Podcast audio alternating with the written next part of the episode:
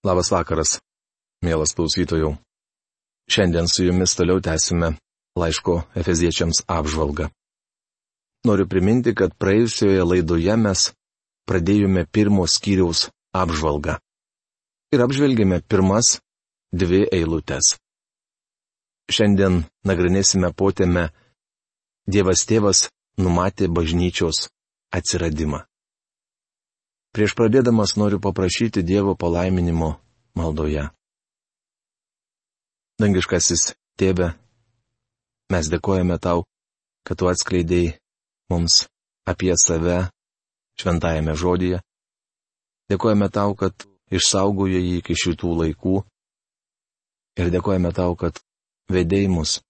Ir kad mes galime būti gyvi ir šį vakarą kreiptis į tave su prašymu atverk mūsų širdis ir protus.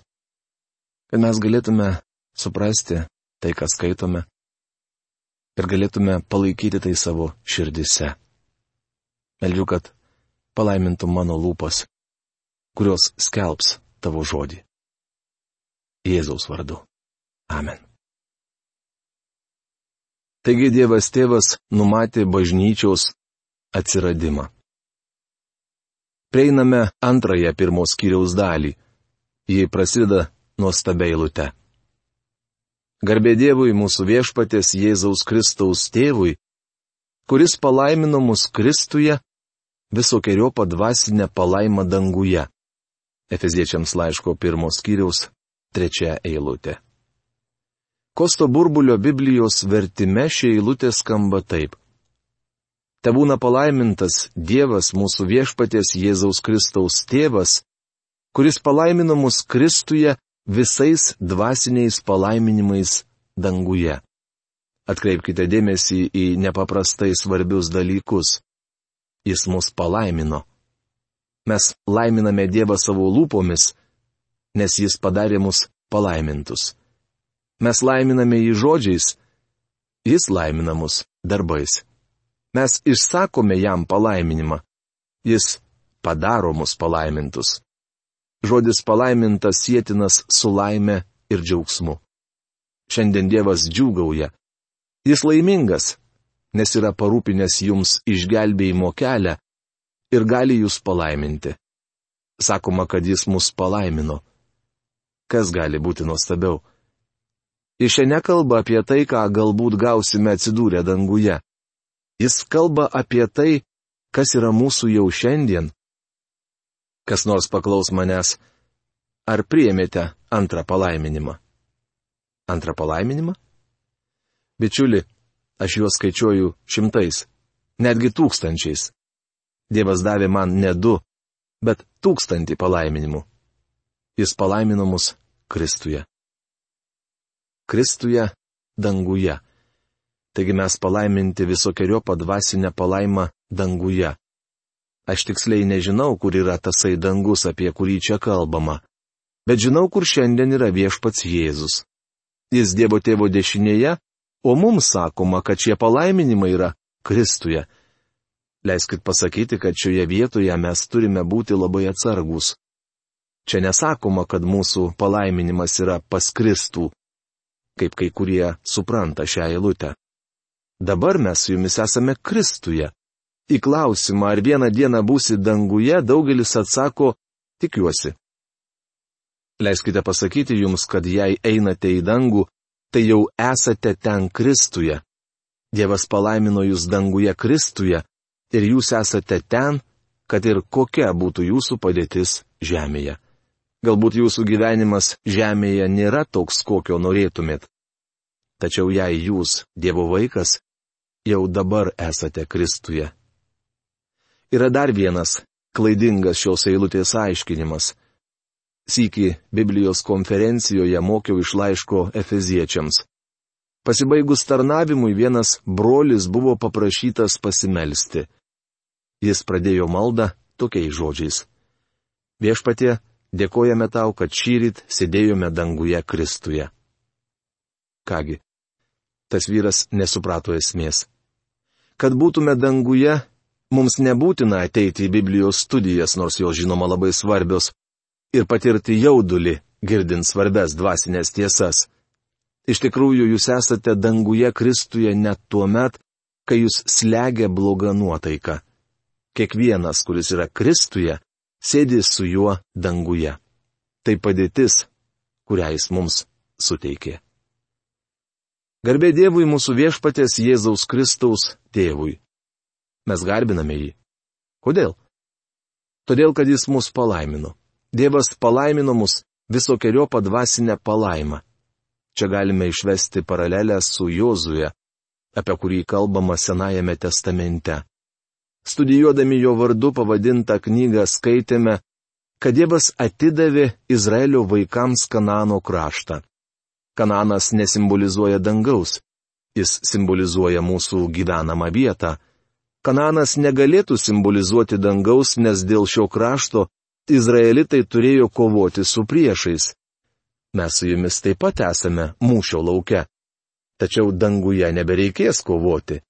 Įdomu pastebėti, kad Dievas atidavė jiems Kanano kraštą.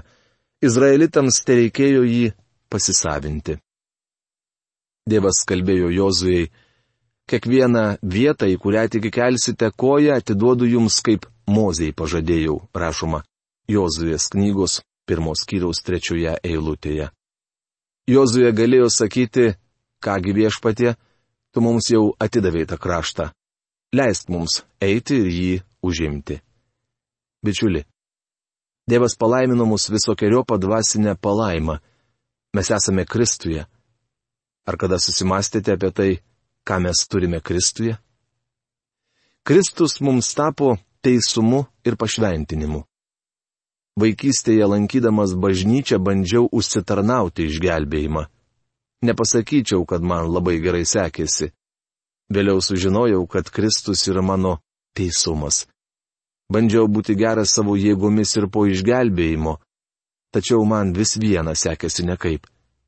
Tuomet sužinojau, kad Kristus man tapo pašventinimu. Matote, Kristuje aš turiu viską buvau palaimintas visokiojopą dvasinę palaimą. Kas gali būti geriau? Žmogus ateidamas pas Kristų, jame įgyja viską. Tik nesakykite man, kad jis turi laukti, kol šventoji dvasia suteiks jam kažką ypatingo, pavyzdžiui, krikštą. Visą tai aš turiu Kristuje. Sakydamas, kad aš negaunu visko Kristuje, jūs neigiate tai, ką Kristus dėl manęs padarė. Atėjęs pas jį, aš gavau viską. Su šiais palaiminimais, kurie yra jūsų dvasinė nuosavybė, galite elgtis dviejopai. Arba juos pasisavinti, arba jų nepasisavinti.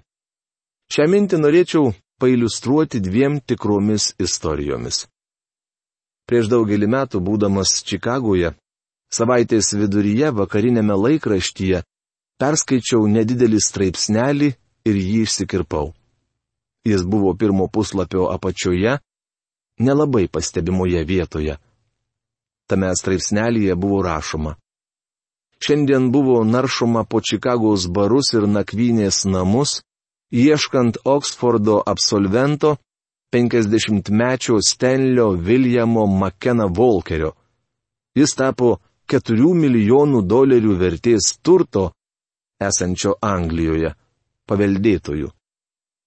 Dingusių žmonių paieškos biuras tarp visuomenės padugnių, besišlaistančių gatvėmis ir maukiančių vyną pigiuose nakvynės namuose, tikėjosi rasti turtingo Anglijos laivų statytojo sūnų. Aš pagalvojau, kaip tai tragiška.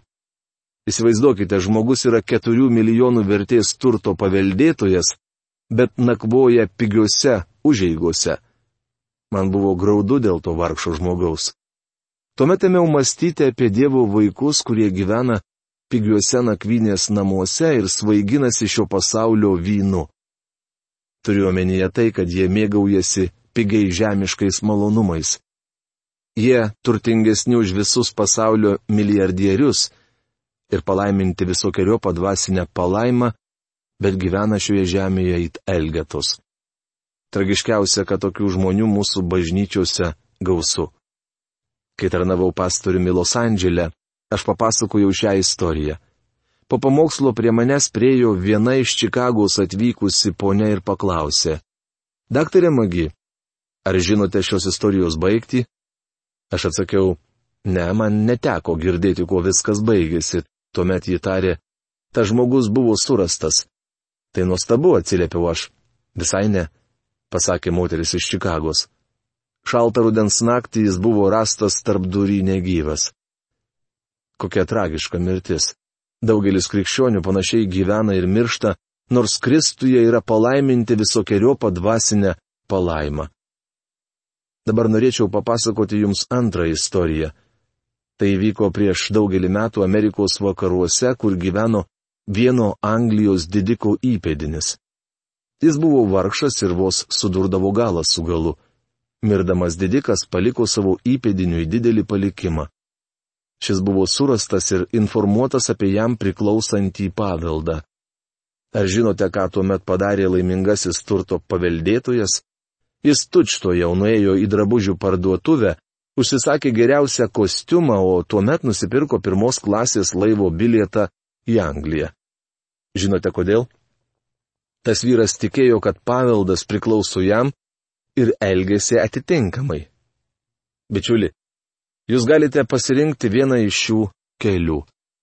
Galite plaukti krikščioniško gyvenimo upe pirmos arba žemiausios klasės kajutėje. Taip pat galite pasirinkti antros, trečios arba ketvirtos klasės kajutę, ką šiandien ir daro daugelis krikščionių. Dievas nori, kad žinotumėte esą palaiminti visokiojo padvasinę palaimą, Jis nežadėjo mums fizinių palaiminimų, tačiau dvasinių žadėjo. Pastarieji yra Kristuje danguje. Bičiuli, dvasiniai palaiminimai šiame gyvenime ateina tik per Jėzų Kristų. Štai koks jis svarbus. Kristus ne tik išgelbėjo, bet ir laimina mus. Mums reikia įsikipti į jį ir pradėti gyventi taip, kaip dera Dievo vaikams. Laiško atkarpa, kurią netrukus skaitysime, yra labai svarbi. Šiuo metu mes studijuojame dalį, kurioje sakoma, jog Dievas tėvas numatė bažnyčios atsiradimą. Šiandien niekas nestato namo neturėdamas projekto. Koks Dievo projektas? Koks jo planas? Ką padarė Dievas numatydamas bažnyčios atsiradimą? Šioje atkarpoje matome, kad jis padarė tris dalykus. Pirmasis. Išsirinko mus Kristuje. Antrasis. Iš anksto paskyrė mus tapti jo įsūniais ir trečiasis. Padarė mus priimtinus mylimajame. Žinau, kad priejome sudėtingą šventojo rašto pastraipą. Susijuoskite diržu savo proto strienas, nes tai labai gili Dievo žodžio ištrauka. Mes kalbėsime apie išrinkimą ir iš ankstinį paskirimą. Tai du gazdinantys žodžiai. Išgirdė juos kai kurie bėga slėptis. Tačiau tai prasmingi bibliniai žodžiai, tad mums svarbu išsiaiškinti jų prasme. Garbė Dievui, mūsų viešpatės Jėzaus Kristaus tėvui, kuris palaimino mus Kristuje visokiojo padvasinę palaimą danguje. Tai Efeziečiams laiško pirmos kiriaus trečia eilutė kurią mes jau nagrinėjome. Ir ketvirta - mus išsirinkdamas jame prieš pasaulio sutverimą, kad būtume šventi ir nesutepti jo akivaizdoje. Iš meilės. Ši ir tolimesnės eilutės yra be nesunkiausiai suvokiamos visame šventajame rašte. Jūsliniam žmogui jos nesuvokiamos, o eilinis tikintysis jas sunkiai priima už gryną pinigą. Nors patys teiginiai aiškus, jų tiesos sunkiai suvokiamos. Tai tarsi graikinis riešutas, sunkiai suskaldomas, bet viduje gausų gerybių. Ši eilutė yra trečios eilutės tesinys. Jums ir man suteikti dvasiniai palaiminimai neatsiejami nuo dievų valios. Visa daroma pagal dievo nutarimą. Šiame pasaulyje ir šioje visatoje išsipildys visagalio dievo planas ir tikslas. Tai, kas sakoma ketvirtoje eilutėje, susijęs su trigubų palaiminimu paminėtų trečioje eilutėje. Iš tikrųjų, originalų kalboje trečioje eilutėje tris kartus pavartotas prielinksnis atsakantis į klausimą, kur kame. Jis užrašytas prie žodžius visokiojo padvasinę palaimą, prie žodį danguje ir prie žodį Kristuje. Tai reiškia, kad kiekvienas turi išvienioti savo dovaną ir pasižiūrėti, ką Dievas dėl jo padarė. Tuomet tikėjimu pasisavinti tai ir gyventi šiandien toje aukštumoje, į kurią Dievas pakėlė. Jis padarė jūs savo įsunių ir palaimino visokiojo padvasinę palaimą. Taip šiandien mes turime gyventi. Visą tai įvyko pagal jo planą. Dievas tėvas numatė bažnyčios atsiradimą. Dievas sunus užmokėjo už ją kainą, o Dievas šventoji dvasia saugo bažnyčią. Visų mūsų palaiminimų šaltinis yra Dievas, mūsų viešpatės Jėzaus Kristaus tėvas.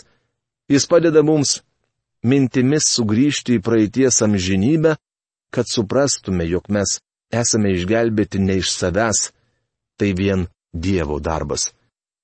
Mes su jumis nesame savo išgelbėjimo iniciatoriai, užbaigėjai ir ištobulintojai. Visą tai atliko Dievas. Senoje giesmėje gėdama. Ne aš pasirinkau tave, tai neįmanoma, o Dieve. Šita širdis vis dar maištautų prieš tave, bet tu mane pritraukiai, tu pasigailėjai. Kitoje populiarioje šio laikinėje giesmėje yra tokie žodžiai. Tarytum benamis klydinėjau, toli nuo dangiškų namų, bet Jėzus kraują dėl manęs pralėjo, kad būčiau amžinai saugus. Mūsų išrinkdamas jame prieš pasaulio sutvėrimą. Dievas numatė mūsų išgelbėjimą tolimoje praeities amžinybėje, kai mūsų su jumis dar net nebuvo šiame pasaulyje. Viešpats Jėzus Kristus reikiamų metų nužengė į žemę ir atejus laiko pilnatvei, ant kryžiaus laimėjo mums išgelbėjimą. Dieva šventoji dvasia įtikina mus tuo. Jis veda mus į tikėjimą Kristumi ir įgelbstinti Kristuje Jėzuje apreikštos Dievo malonės pažinimą. Prieš daugelį metų girdėjau istoriją, Memfyje, Tenesio valstijoje vienas juodaodis berniukas norėjo prisijungti prie konservatyvios, fundamentalių tikėjimo tiesų besilaikančios bažnyčios. Diakonai stengdamiesi daugiau sužinoti apie jo dvasinę būklę paklausė, kaip tapai išgelbėtas. Berniukas atsakė, aš dariau savo, o Dievas savo. Diakonai pamanė, kad tas vaikis pasitikė savo darbais tad pasiteiravo, ką darė jis ir ką Dievas. Šis atsakė, aš dariau nuodėmės. Bėgau nuo Dievo pasikliaudamas savo nuodėmingą širdimi, kiek tik nešė šios maištingos kojos. Bet žinote, Dievas bėgo man įkandin, kol galiausiai pasivijo. Bičiuli, geresnio paaiškinimo nerasite net teologinėse knygose. Išgelbėjimas - Dievo darbas. Mes tik darėme nuodėmės. Velionis daktaras Haris Ironsidas pasakodavo istoriją apie berniuką, kurios iki paklausė. Ar esi atradęs Jėzų?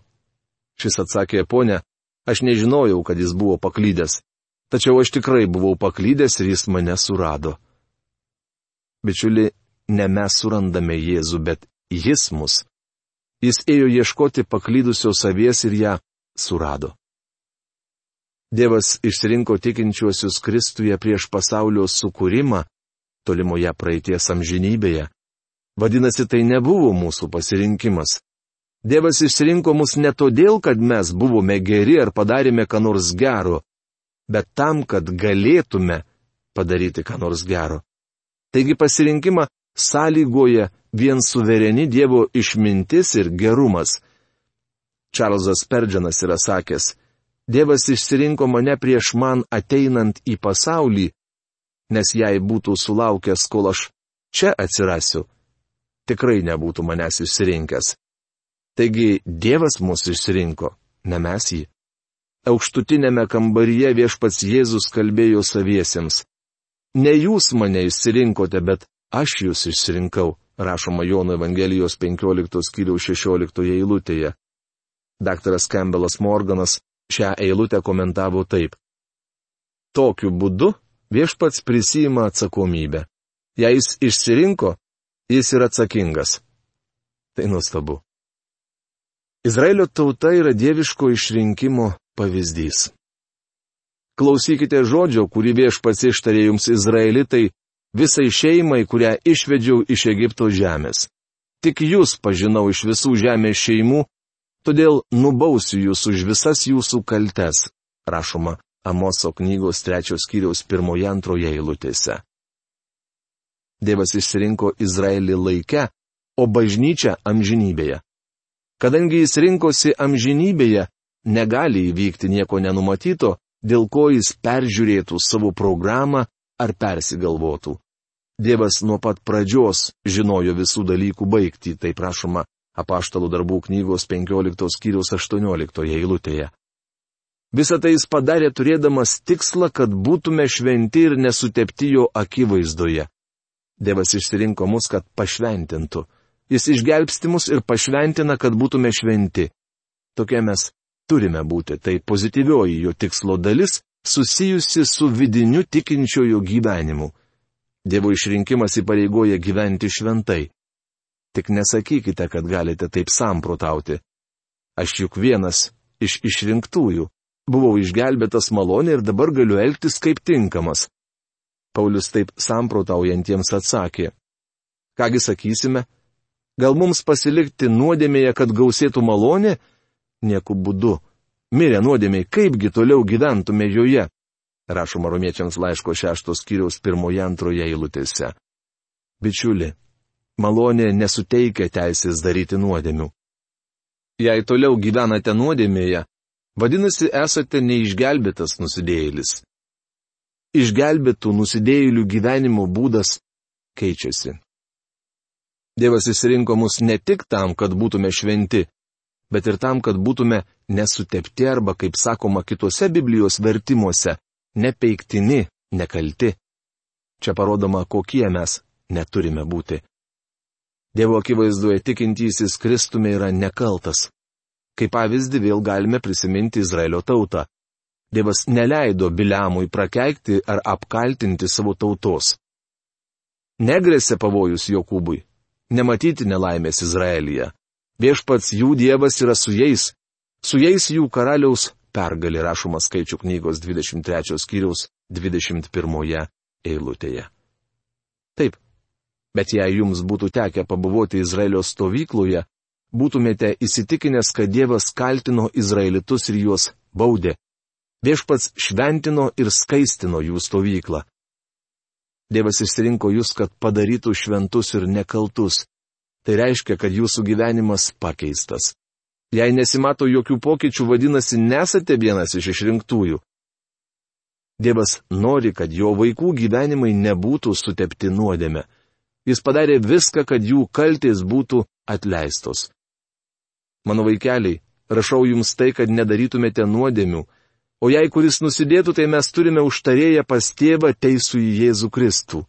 Jis yra permaldavimas už mūsų nuodėmės ir ne tik už mūsų, bet ir už viso pasaulio, rašoma pirmame Jono laiške, antrame skyriuje pirmoje antroje eilutėse.